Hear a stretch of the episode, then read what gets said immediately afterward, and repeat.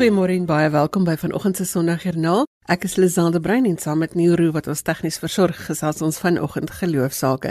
My gaste vanoggend is Dr. Johan Karstens van die iOpus Instituut wat met ons gesels oor ons voorbeeld in die werkplek en Andrei Brits en Ina Skols vertel van die gemeente van Van Wyksdorp wat hierdie jaar 115 jaar oud is. Dominee Kobus van die Wesduisen skryf al 44 jaar lank die hart tot hart berig in die Landbouweekblad en ons gesels met hom oor sy geloofservarings. Ons nooi jou uit om saam te gesels per SMS by 45889 teen R1.50 per SMS en ons is ook te hoor op die DSTV se audiokanaal 813. Jy kan ook saamgesels op Facebook. RSG se webwerf het al die besonderhede oor ons gaste as ook ons kontakbesonderhede en jy gaan dit kry by rsg.co.za.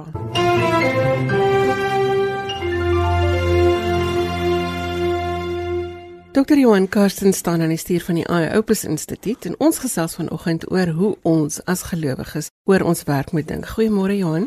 Môre Lisel. Vertel ons nog gou van jou doktoraal net so in twee sinne.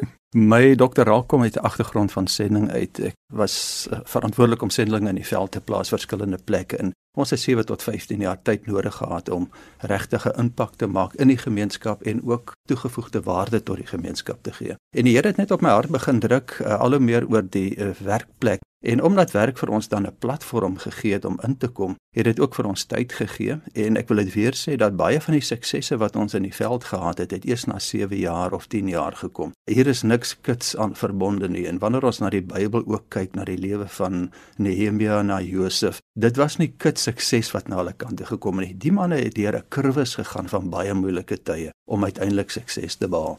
En toe het ons net besef maar werk gee vir ons daardie platform en die tyd waar ons kan begin vertroue wen, verhoudings bou en uit die verhoudings het dit vertroue gekom.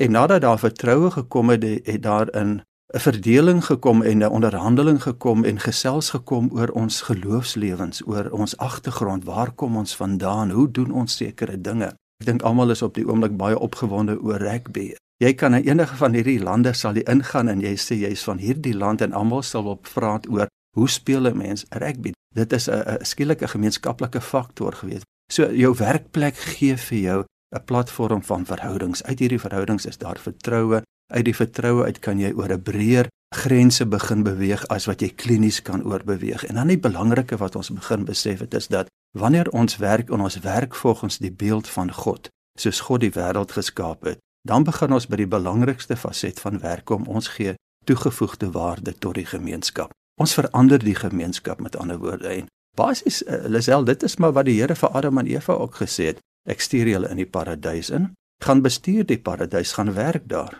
en dat dit my beeld verteenwoordig. Met ander woorde, hulle moes welvaart geskep het in die paradys. Ek het verlede week se bietjie op 'n seepkus geklim om te sê hoe moet ons dink voordat ons praat op sosiale media of selfs in die werkplek? Moet jy nou nie maar eers dinge net persoonlik uitsorteer voordat jy dit aan die wêreld verkondig nie? So ons moet almal die pot aan die kook hou. Ons sien almal uit daarna om eendag af te tree, maar intussen staan ons nou hier tussen mense. Wat is die goed wat gelowiges in gedagte moet hou, juis met hierdie verhoudingsbou in gedagte en die voorbeeld wat jy leef? Jy het nou 'n hele klompie goeders nou gesê, maar eintlik moet ons koffie drink oor. Lisel, ek dink dit is wat jy op die sosiale media gesê het gaan oor die werkplek ook en in 'n sekere sin wat jy tussen 5 en 6 in die oggend doen of 4 en 5 doen, jou geestelike voorbereiding is baie belangrik vir die werkplek. Hoe jy werk sien, as jy nie werk positief sien nie, as jy nie werk sien as 'n gawe van God geskep deur God en 'n instrument van God om ons land te transformeer nie, dan word werk vir jou die item om genoeg geldjies vandag te verdien om môre weer te kan leef, om weer 'n bietjie te gaan werk. Dit is nie wat God ons voorgeskape het nie. As ons net baie vinnig in die Bybel gaan kyk in Genesis 1 sê dit in die begin het God gewerk. Hy het geskape en toe het hy uit chaos uit 'n orde geskep en As ons na ons werkplek kyk, is ons eerste opdrag seker dat die Here ons roep vandag om die plek waar hy ons geplaas het, ons paradys, uit chaos orde te skep. En dit beteken ook dat my lewenswyse, my werkswyse moet dit verteenwoordig wat God verteenwoordig, die karakter van God verteenwoordig. Met ander woorde, moenie by jou in jou werk sit en heeldag probeer om jou Facebook en al hierdie goeders op datum te hou, maar jou werk het agter geraak nie. Dan eh, verteenwoordig jy nie die karakter van God nie. Die persoon wat jou in diens neem, betaal jou nie om jou Facebook op datum te hou, betaal jou nie om die kerk se advertensies uit te stuur en selfs hulle teerpartytjies te reël nie. Hy betaal jou om 'n sekere produksie te lewer. Daar's chaos en hy wil orde en hy betaal jou daarvoor. So ek dink wat ek baie keer in my seminare sê, moenie jou Bybel langs jou lesenaar oopsit en jou rekenaar en probeer iemand beïndruk dat jy 'n Christen is nie. Jou eerste linie van getuienis in die werkplek is die manier wat jy gewerk het. Nehemia het 'n stuk of 15, 20 jaar vir 'n koning gewerk en as gevolg van sy werk het die deure oop gegaan dat hy die muur van Jerusalem kan opbou. Josef, hoe lank het hy gewerk vir Potifar in die tronk en toe vir Farao en hy het uiteindelik onder die koning se leierskap die wêreld regeer. En dit is waar ek ons Christene wil sê, Lisel, ek sê baie keer vir mense dat ek wil hê ons moet word soos die Jood sonder om Jode te wees. Jy kan 'n Jood enige plek in die wêreld sit. Hy gaan oorleef, hy gaan oorwin, hy gaan suksesvol raak en dan gaan hy 'n welvaartskepper word. En God het ons geroep in hierdie land om die land se welvaartskeppers te word. Ons is ingeënt in dieselfde boom, dieselfde beloftes van Abraham. Plus, ons het die genade van Jesus Christus aan ons kant. Waarom is dit soos Paulus sê?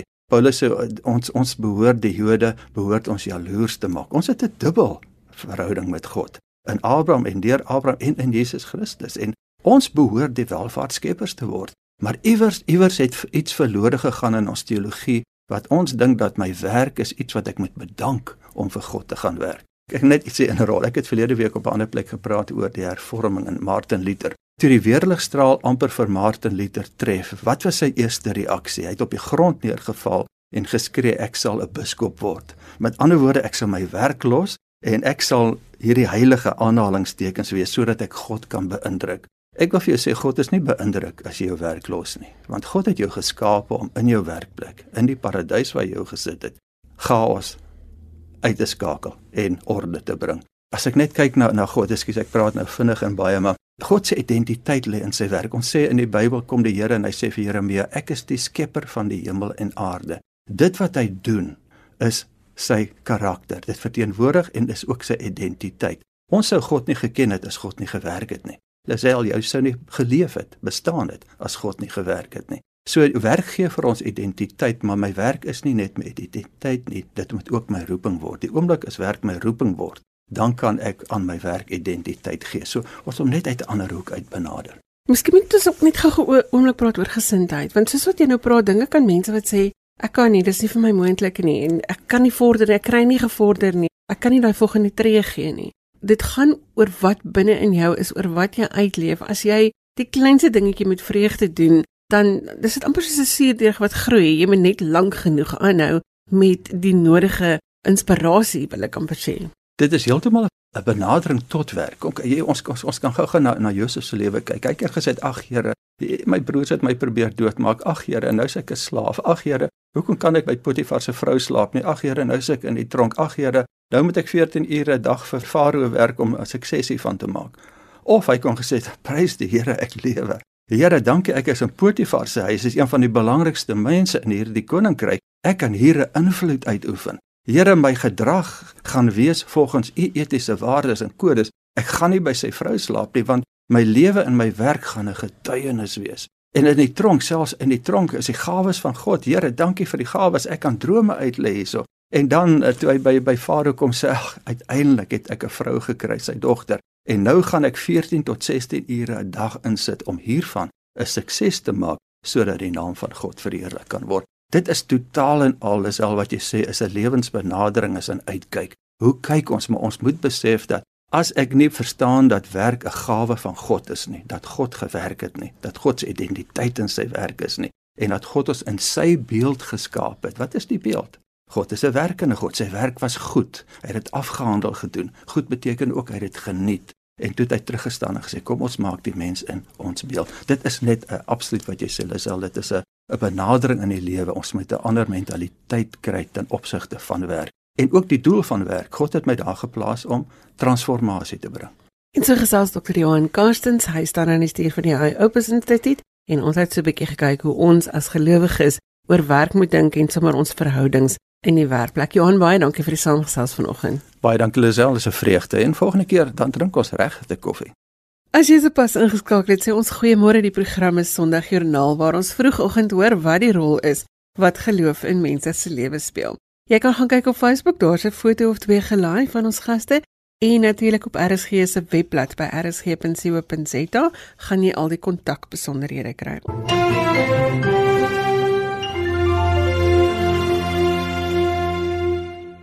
Van Wyksdorp se NG Kerk is in 1904 gestig wat beteken hulle het hierdie jaar hulle 115de bestaanjaar gevier. Ons gesels vanoggend met Andrei Brits wat diaken is by hierdie gemeente met net 29 lidmate. Goeiemôre Andrei. Goeiemôre en ja, uh, baie dankie vir die geleentheid en goeiemôre aan jou luisteraars. Vertel vir ons van van Wyksdorp. Waar is dit?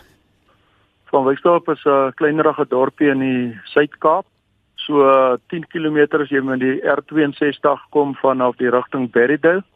10 km voor lê die Smit is 'n afdraai op 'n grondpad van Wyksdorp en dan het jy so 32 km grondpad om hom te bereik. Jy kan hom ook bereik vanaf Riversdal en dan kan jy hom ook bereik vanaf Karlsdorp via die Rooibergpas en dan ook vanaf Hubbardstyle via die Kloeterspas. En dit is basies waar hy is. En hoe is die gemeenskap saamgestel? Andre, is dit meestal 'n boerderygemeenskap? Ek wil so 'n korreksie maak. Ons is nie net 29 lidmate nie, ons is daarom 49, maar die 29 is die meer aktiewe lidmate. Die gemeenskap is saamgestel hoofsaaklik ehm um, of dit was hoofsaaklik saamgestel uit 'n boerderygemeenskap. Die gemeente het ontstaan uit 'n boerderygemeenskap, maar in hierdie huidige tyd of tans is daar 'n klein hoeveelheid boere oor. Die res is meestal uh, wat ons loof meestal noem leefstylplase en dan is hier so so een of twee groot plase wat uh losering verbouing aan die een kant en dan ook uh 'n groot olyfplaas wat aan die ander kant geleë is van die dorp. Wat ons van die gemeente? Kyk, soos ek jou gesê het, die gemeente is saamgestel basies uit 49 lidmate waarvan ongeveer 29 nog baie aktief is en dan soos in enige gemeente het 'n mens maar 'n paar dooie lidmate, maar hulle is daarom ook daar en hulle maak hulle bydraes finansiëel. Ons het uh, 'n kerkraad van 9 mense en dan het ons 'n dominee wat uh, elke Sondag kom preek. Hy kom van 'n aanliggende dorp en hy is kontraktueel aangestel, so hy het nou nie al die pligte wat 'n dominee het nie, maar ons betaal hom dan ook volgens die dienste wat hy lewer. Met betrekking tot die instandhouding van die gemeente, ja, ons het 'n baie aktiewe uh, groep mense wat baie aktief hard werk wat dan die gemeente aan die gang hou. Uh, ons het twee baie uh wyd bekende kerkbesare wat ons elke jaar hou en kry ontsettend baie ons ondersteuning van aanliggende dorpe en dan ook van oud lidmate wat dan spesiaal vir hierdie geleenthede na die besare kom. So dis basies dan die fonds groot fondsinsamelingsgeleenthede en dan elke 5de jaar soos byvoorbeeld vir hierdie jaar, dan het ons 'n groot fondsinsamelingsgeleentheid waar ons ons noem dit dan die 5-jarige feeste. Ons het vir jaar die 7de een dink ek gehou en by hierdie feeste kry 'n mens dan uh groot ondersteuning van die oud lidmate. En die oud lidmate raak ook nou al hoe minder en die oud skooliere wat hier skool gegaan het is ook nou al hoe minder maar nou is ons in die gelukkige posisie dat hulle afstammelinge en hulle nasate is besig om ons ook dan baie aktief te ondersteun. En dan ook mense wat dan van buite kom en gaste. En met hierdie uh geleentheid dan samel ons dan nou 'n groot hoeveelheid geld in wat 'n mens dan basies as 'n buffer gebruik vir die volgende 5 jaar. So ons het dit nou sopas gehad 'n maand gelede. En wat het julle gedoen om julle 115de bestaanjaar te vier? Dit is 'n groot voorbereiding. Ons begin basies uh, 18 maande voordat hierdie fees plaasvind, begin ons met 'n voorbereiding en die beplanning. Vir hierdie jaar het ons gehad twee kunstenaars of orkeste. Uh, ons het vir Andrius Vermeulen nie gehad op die Vrydag aand En die Saterdag aand het ons 'n groot makietie gehou met Klipwerf Orkees, uh wat ons dan 'n dans gehad het. Ons slaan 'n groot markies tent op.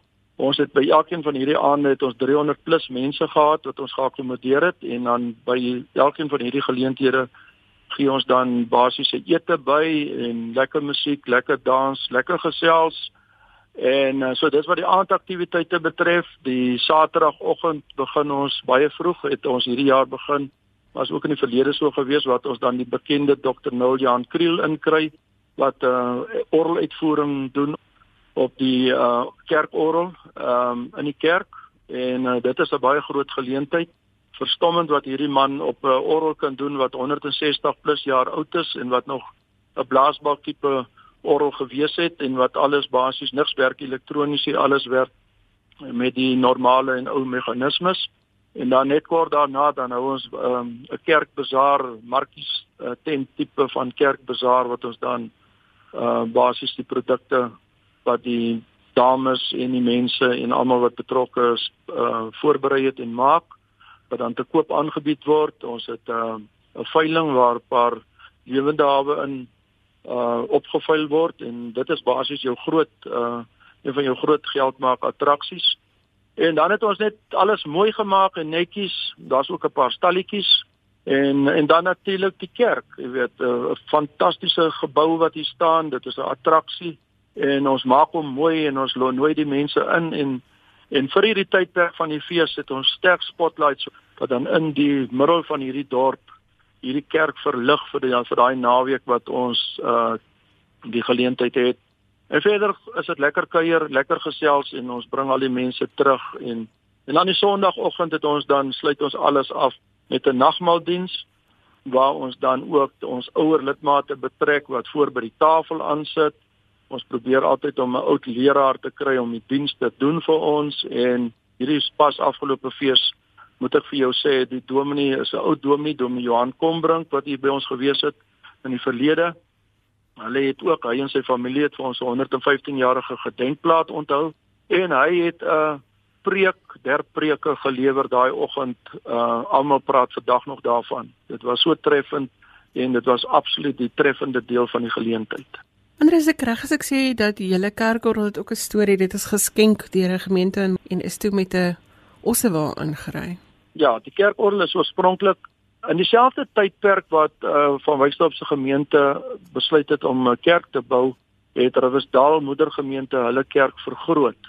En in daai tydperk het hulle die uh, kerkorgel wat hulle dan in hulle kerk gehad het, wat reeds plus minus um, 45 jaar diens gelewer het, het hulle dan geskenk aan die gemeente van van Wyksdorp die kerkorgel is toe verwyder uit die kerk in Riversdal en hy is gestoor vir 'n jaar of 2 en daarna het hulle die kerkorgel met ossewaans deurgery natuurlik na van Wyksdorp en het die firma R Miller het die kerkorgel dan nadat die preekstoel en die houtgedeelte van die preekstoel gebou is het hulle dan die kerkorgel kom installeer binne in die kerk uh, bo op die preekstoel Ons het nou baie gesels oor die kerk en die gemeente, maar watter rol speel geloof in julle gemeenskap? Wel geloof speel 'n belangrike rol dink ek seker in enige gemeenskap, maar spesifiek in ons gemeenskap is dit basies die enigste ankers wat ons nog het. Ons is op hierdie stadium baie min mense. En as jy nie geloof het as jy so iets aanpak en wat wel kom ek sê vir jou so, in 1999 op ons 95ste fees het ons getwyfel en gewonder of ons ooit 100 jaar sal bereik. Daai spesifieke oggend het ek die bedankings gedoen en het ek daar gesê vir die mense, ons sien julle oor 5 jaar. As dit dit was 'n geloofsdaad geweest want op daai stadium was ons ook relatief diep in die skuld geweest as 'n gemeente. En van daar af het ons gegroei en gegroei en gegroei.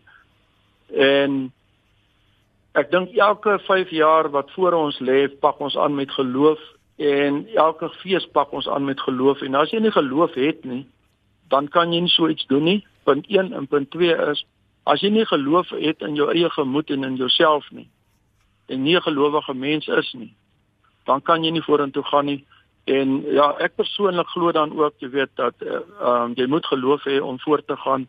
En geloof is basies die enigste ding wat 'n mens vorentoe dra en wat 'n mens en ons sien dit elke dag jy weet.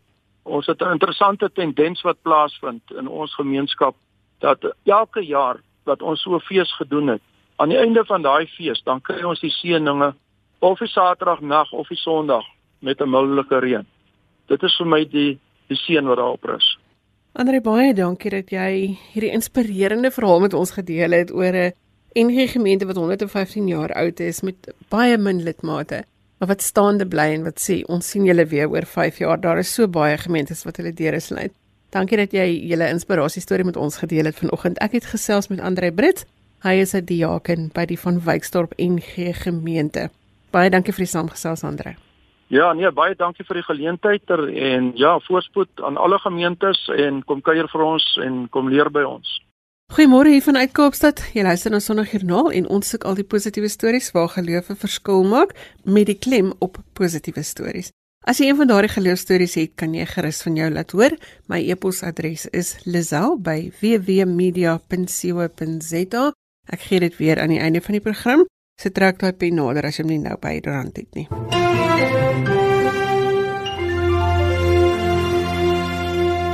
Ons het sopas gehoor van Andre Brits wat ons vertel het van van Wyksdorp se NG Kerk se 115de bestaanjaar wat hulle gevier het. En ons gesels met Ina Skols. Sy werk ook op die dorp by van Wyksdorp en sy het gehelp met hierdie fees. Goeiemôre Ina. Goeiemôre. Baie lekker om julle te kan gesels. Ina, baie dankie dat jy saamgesels. Ons het gehoor by Andre oor al hierdie dinge wat gedoen moes word oor hoe die gemeenskap van van Wyksdorp lyk. Vertel vir ons hoe het jy die fees ervaar? Ek was een van 'n deel van Jobs for Carbon se personeel wat het bygestaan het met die fees. As ek vir julle die agtergrond kan gee, dit is 'n piep klein dorpie. Ons het grondstrate en hier is nie straatligte nie. Die klein dorpie het ook nie 'n kunsbank nie en hy het nie 'n vulstasie nie. En so hou hierdie gemeente nou vir 'n hele paar jaar, elke 5 jaar doen hulle hierdie fees. En hierdie keer het ek die geleentheid gehad om hierin te deel. So is baie baie min lede in die dorp wat kan help. Dit is mos maar maar klein en min en daarom het ons die Jobs Carbon span ook gebruik om te help. Dit is die span wat uh Andrei bestuur. Hy is die projekbestuurder van Jobs Carbon onder die vaandel van die Gourits Cluster Biosphere Reserve. En met hierdie projek het ons werkloosheid begine bekamp in die dorp en saam met Andrei Britse projek is daar ook Pieter Kutse met die Monroe Olyfplaas wat 'n baie hoë uh intensiteit het betreffende arbeid spesifiek met die doel om werk te skep vir die mense in die dorp. So word dit nou weer 'n keer tyd vir hierdie fees. En weet jy, ek ry deur die dorpies, ek ry geweldig baie die Route 62. En ek kom in die dorpies, dan is die dorpies doodstil en dit lyk so spookstrate en ek gesels met die mense in die restaurante en hulle sê vir my, hulle kry swaar. Die boere kry baie swaar die reënvalsyfer is 'n tiende van wat dit moet wees en die hitte van die somer is op ons. En hulle probeer elke ander uitweg vind om inkomste te genereer. Ook hierdie restaurante, die koffiewinkeltjies is doodstil. En sover as wat ek op hierdie roete laas ry, sien ek 'n dorpie vir dorpie. En ek het begin benoud word en gedink nou goed. Andre Brits gaan soos al die ander jare gaan hierdie fees nou gehou word. Hy reël hierdie fees.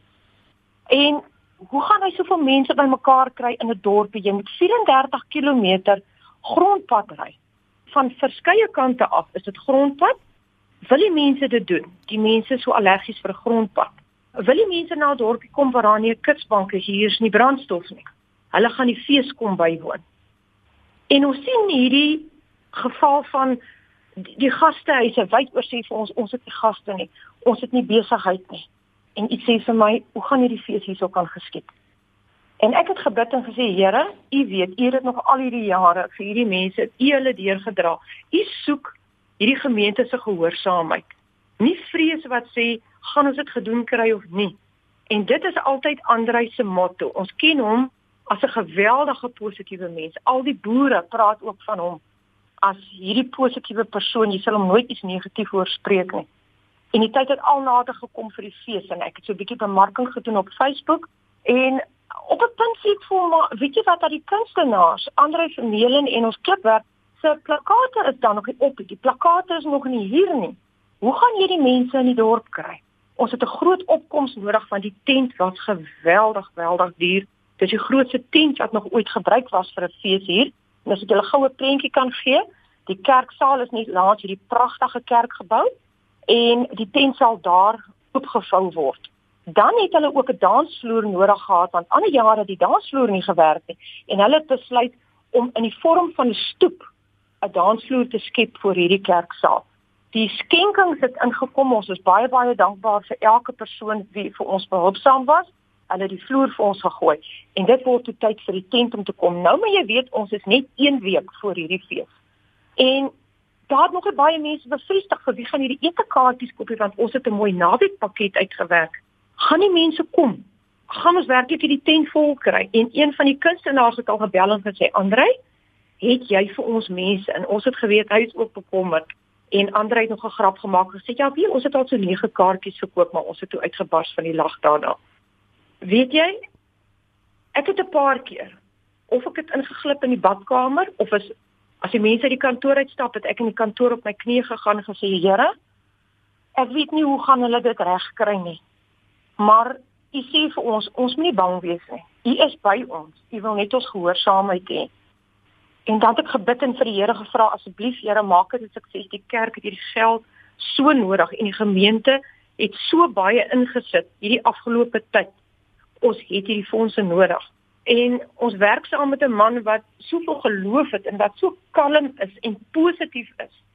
Gee dit vir hom dat hierdie ook hierdie fees 'n sukses sal wees.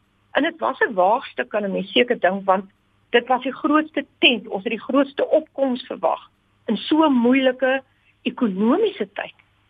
En die tyd het al nader gekom en dit was die laaste week en ons het verskriklik hard gewerk en alles het baie mooi vorm begin aanneem en 'n massiewe tent is oopgemaak met trekkers en met 'n vragmotor. En ek het nog 'n keer gaan bid en gesê Vader, dit is nou in U hande. Ons glo en ons weet U sal met ons wees. Neem hierdie projek op vlerke. En die fees het Vrydag afgeskop. Vrydag aand was hierdie massiewe tent propvol. Ons het meer as genoeg mense gehad. Andrius Vermeulen het 'n fantastiese konsert gehou. Hy het dit met 'n baie mooi woord dat hy dit afgesluit. Ons mense het knoppe in die keel gehad en Vrydag aand toe reën dit.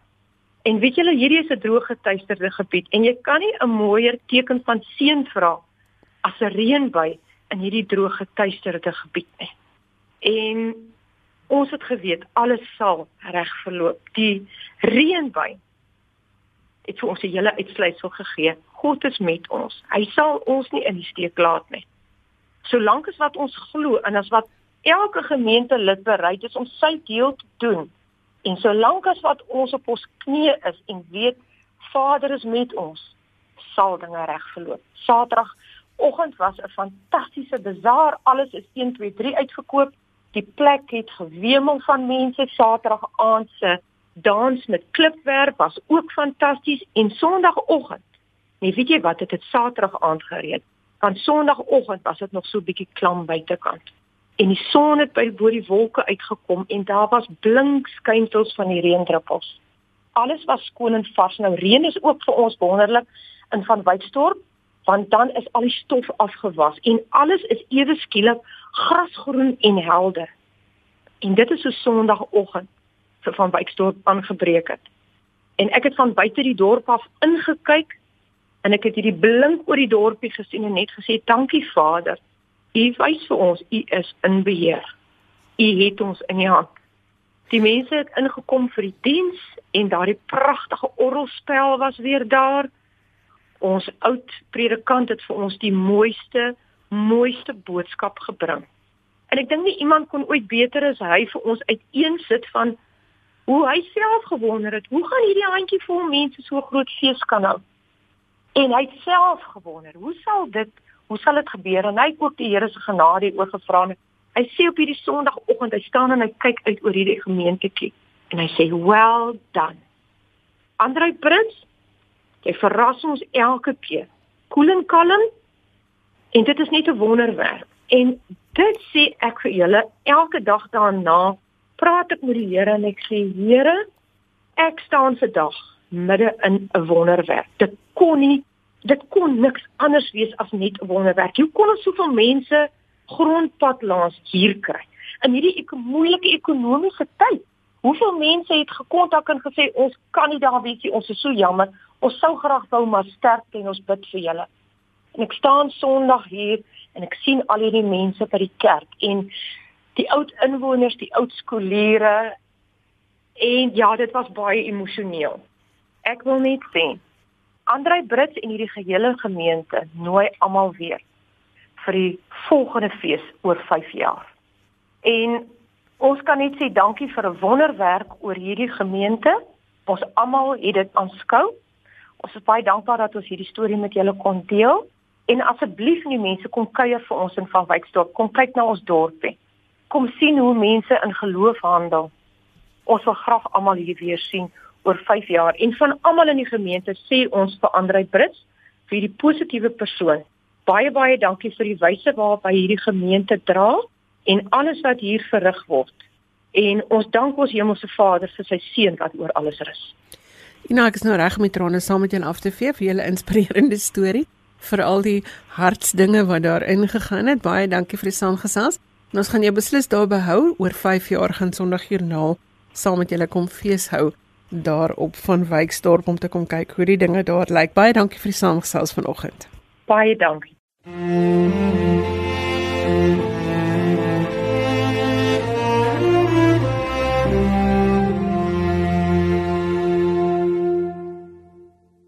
Demi Kobus van der Westhuizen is 'n naam wat baie boere sal herken. Hy het vir baie jare lank die hart tot hart rubriek in die Landbou Weekblad geskryf. Nou ons kuier vanoggend saam met hom Kobus wat reeds 88 jaar oud is. Goeiemôre oom Kobus. Goeiemôre, goeiemôre. Dit is lekker om julle te ontmoet. Hoe het dit gekom dat oom die rubriek begin skryf het vir die Landbou Weekblad? Man, alle dinge kom tot 'n einde in my voorganger Wylou Dr. AJ van der Merwe, baie bekende figuur in die kerk en ook in die kultuurlewe. Hy het nou by die punt gekom waar hy gesê het nee, hy uh, hy tree nou uit. En uh, toe het hy sommer vir hulle gesê maar uh, hulle moet vir my vat, jy weet. En toe het ek daar in 19 ek dink was in 1971 het ek uh, tydelik waargeneem en toe het die tydelike toe nou maar permanent geword. So ek is nou al 'n ou oomie daar by die landbeweegblad. So dit is maar soos dit begin het. Dit het toe nooit geëindig nie. En nou nou ek is nou nog aan die gang daarso. En uh, ja, dit hou my kop daar 'n bietjie helder, jy weet. Hoewel 'n mens moet seker nie oor jou eie kop oordeel nie, jy weet maar laat die ander mense oordeel. Maar nou dit is waar ons op die oomblik is, ja. Oom het self op 'n plaas groot geword. Ja, nee, ek het so ses geslagte wat ons al op die familieplaas was. Ja, ja, nee, ek is daar gebore en groot geword en die plaaslewe en en sy eenvoud, al die lesse wat jy sommer so deur die natuur daar kry, wat die ander ouens moeite moet doen en boeke moet lees en die die natuur sommer vir ons daar geleer, nee, jy het groot geword met die dinge. En uh ag as ek dink hoeveel keer dit gebeur dat ons 'n skaap of 'n bees of 'n ding moes help om te kalf nee of te lam en so aan. Dit is 'n natuurlike prosesse vir ons. En hoe het dit gekom dat oom predikant word? Dit is eintlik 'n bietjie 'n lang storie.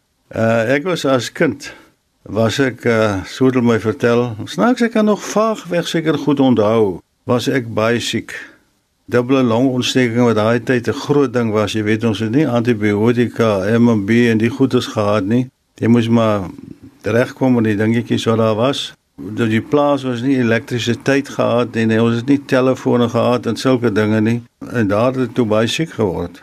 So erg dat die plaaslike dokter toe gesê het nie maar hy sien nie meer verder kans nie en hy dink nie ek sal dit maak nie.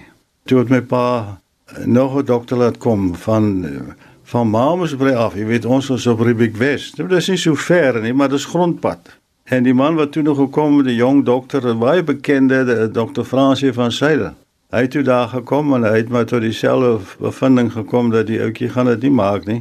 Behalwe as hy my miskien in die hospitaal kan kry, maar ek sal nie die die grondpad sal ek nie so toe kan maak nie. Toe het my pa gesê, maar as jy nou dink die man gaan in elk geval sterf, hoekom doen jy nie maar 'n noodoperasie nie? Nou toe het hy en die plaaslike dokter by Kerslig en by Lamblig het hulle my opereer en drie van my ribbetjies agteraf gesaag om by die longe te kom. Maar maar langs toe kort te maak, ek dink my ma het my sê, sê die hele tyd dat sy gebid en ek ek dink miskien het dit iets my te doen. Ek het ek het snags nog ek het nooit 'n Damaskus bekering gehad nie, maar ek het groot geword in 'n huis waar die mense geglo het, nê. Ek het al sê toe ek my kom kry Toe ek op Stellenbosch en toe leer ek vir predikant, maar daar was nooit 'n moment waar ek besluit het ek gaan vir predikant leer nie. Tevens ek was al 'n paar maande op Stellenbosch toe vra my pa van my nou, nou wat maak jy op Stellenbosch? Waarvoor leer jy? Toe was hy self verbaas dat hy sien van hom nog gaan leer vir predikant. Ja, dis hoe dit maar begin het. Waar was dit se eerste gemeente en is daar goed wat uitgestaan het in die bediening? My eerste gemeente was aan die Ooskaap en ook ook die tweede een, die eerste een was Patterson. Is 'n klein ou plekjie daar en die tweede een was 'n bietjie groter, dit is 'n uh, Kraddock, Kraddock Oos eintlik. En uh ja, as jy my vra wat uitgestaan het, ja, dit is dis miskien nou 'n bietjie van 'n lang storie vir my was die bediening van die begin af was 'n ernstige saak en en 'n mens doen wat jy kan. Gelukkig vir my het ek onder my mense, as ek sê my mense, dan is al twee gemeentes was plaas, plaaswyke en plaasgemeentes en en daai tyd ook was mense was arm veral daar nie. En Patterson se kante was dit droog geweest, jy weet, en uh, mense het swaar gekry. Jy moes elke week moes jy maar gaan bid hier hou in die wyke en uh oomblikke van verootmoediging en so aan. So ek ek ken daai ding van swaar kry by die boere, jy weet, en uh maar omdat ek self 'n boerseun was, het ek, het ek dit verstaan. Ek het verstaan as iemand my soggens 5 uur bel net om vir my te sê, "Dominee, dit het vandag gereën," jy weet, dan kan ek saam met hulle bly wees, nê. Nee. So uh ja, dit was 'n voorreg en al die gemeentes was dit vir my werklike voorreg en die mense was ons mense, my mense, ons het mekaar verstaan en ek het probeer om om hulle taal te praat en uh, tot vandag toe is dit vir my 'n wonderlike voorreg as ek daar kom dat uh, ek kry tog die indruk hulle is bly om my te sien. Ek is in 'n geval bly om hulle te sien. As ek vra, die skrywe nou vir die Landbou Weekblad, wat is die motivering daar agter? Ek het dit gesien as deel van die bediening. Want dit is 'n geleentheid wat die Landbou Weekblad my gegee het waarvoor ek tot vandag toe oneindig dankbaar is dat hulle ruimte afgestaan het om uh, dan die boodskap wat toe die Here my geroep het om dit te bring om dit daar op skrif te gee en uh, also het ek natuurlik 'n gemeente gebou wat seker die grootste in Suid-Afrika was want mense het van oral het mense met my gepraat wat ek nooit gesien het nie of wat ek sê baie van hulle het ek nooit gesien nie en tog het ons 'n bande gebou jy weet wat uh, Wel wat vir my baie beteken het en ek ek wil maar hoop dat dit ook vir hulle iets beteken. Het die boere teruggeskryf, gevra of gesê dat dit vir hulle iets beteken? Was die doel daar agter inspirasie? Ja, nee, kyk die idee was ou nie dat dit 'n korrespondensie rubriek was nie. Maar mense het tog uh behoefte gevoel om met iemand te praat. En uh dit was hulle makliker om iemand ek wou amper sê daar ver te praat wat ook hulle geheimpies kan vertroulik hou. En uh jy weet elke mens het maar 'n storie en, en daar's elemente in daai storie wat jy nie met enige een wil deel nie. Jy moet vooraf besluit kan ek hierdie man vertrou? Want mense het die geheime, en mense het die behoefte aan iemand, 'n sterk persoon wat kan help. Ek bedoel die sterk nou nie ek nie. Timmy Kobus, om my af te sluit om mee saam te vat. Wat sal jou boodskap wees vir die boeregemeenskap vandag wat luister? Ons dit is droog. Ons weet hulle sukkel. Ja, kyk my my boodskap vandag wil ek maar sê, sal nie anders wees as my boodskap 50 jaar gelede in al die tyd nie. Ek wil dit so stel, mense sal seker met my verskil daaroor. Maar ek wil vir nommer 1 vir die boere sê, boere as as jy nie geloof het nie, geloof in die almagtige God nie. Hou dan maar liewer op met boer. Want ek dink nie mense kan boer. Eintlik geld dit nie net vir 'n boer nie, dit geld vir almal. As jy nie daai versekering het, ek het iemand wat by my staan iemand wat ek kan vertrou. Die son sal weer skyn oor my. Dit sal weer goed gaan. Ek het nou onlangs 'n stuk artikel gelees wat van ver af kom. Dis iemand wat geskryf het oor droogtes in Bybelse tye. En weet jy, is interessant hoe baie dinge maar herhaal is, né? Wat vandag nog by dieselfde is. Maar God is ook nog dieselfde. En uh ek het ook gesien, beleef nou hoe dat juis die droogte die beproewing hoe dat dit mense vorm en nader bring aan God dat hulle kan besef maar die God wat ons aanbid wat soms 'n bietjie stil bly nê want baie keer vra mense waar is God? En dink jy hy hy weet nie van hulle af nie. Maar dit is nie so nie. God lewe. En God sal weer vir jou bring waar jy kan vreugde vind as jy in die oggend uitstap en kan lag en bly wees omdat dinge weer anders gegaan het. Dit bly 'n op en af besigheid. En as jy nie daai karakter het om te kan sê nee, uh hoe sê daar in die Bybel, hier staan daar 'n teks, uh gister was daar net trane, vandag lag ek alweer, né? So, hou moed mense, die boere, uh hierdie land het vir julle nodig. Julle het 'n geweldige taak om te verrig in Suid-Afrika. En uh, ek het vertroue in julle. Julle sal dit doen. Ek glo dit maar altyd met die hulp van God. Begin jou dag met God. Sit my jou swakke hand in sy hand en vertrou hom, hy sal jou help. En met daardie boodskap van hoop is dit tyd om te groet. Sondagjoernaal is as 'n potgooi beskikbaar op RSG se webwerf by rsg.co.za. Jy gaan soek by die potgooi opsie op die boonste skakel links en as jy Sondagjoernaal daar intik met vandag se datum, sal die program daar wees. Jy kan vir my e-pos met kommentaar of as jy 'n geloostorie met ons wil deel, my e-posadres is lizel l i z e l l e by www.media.co.za en daar is net twee W's in daardie e-posadres. Tot volgende week groet ek namens tegniese regisseur Neil Roo en onthou maak jou doelwitte baie sterker as jou verskonings. Tot volgende Sondag, totsiens.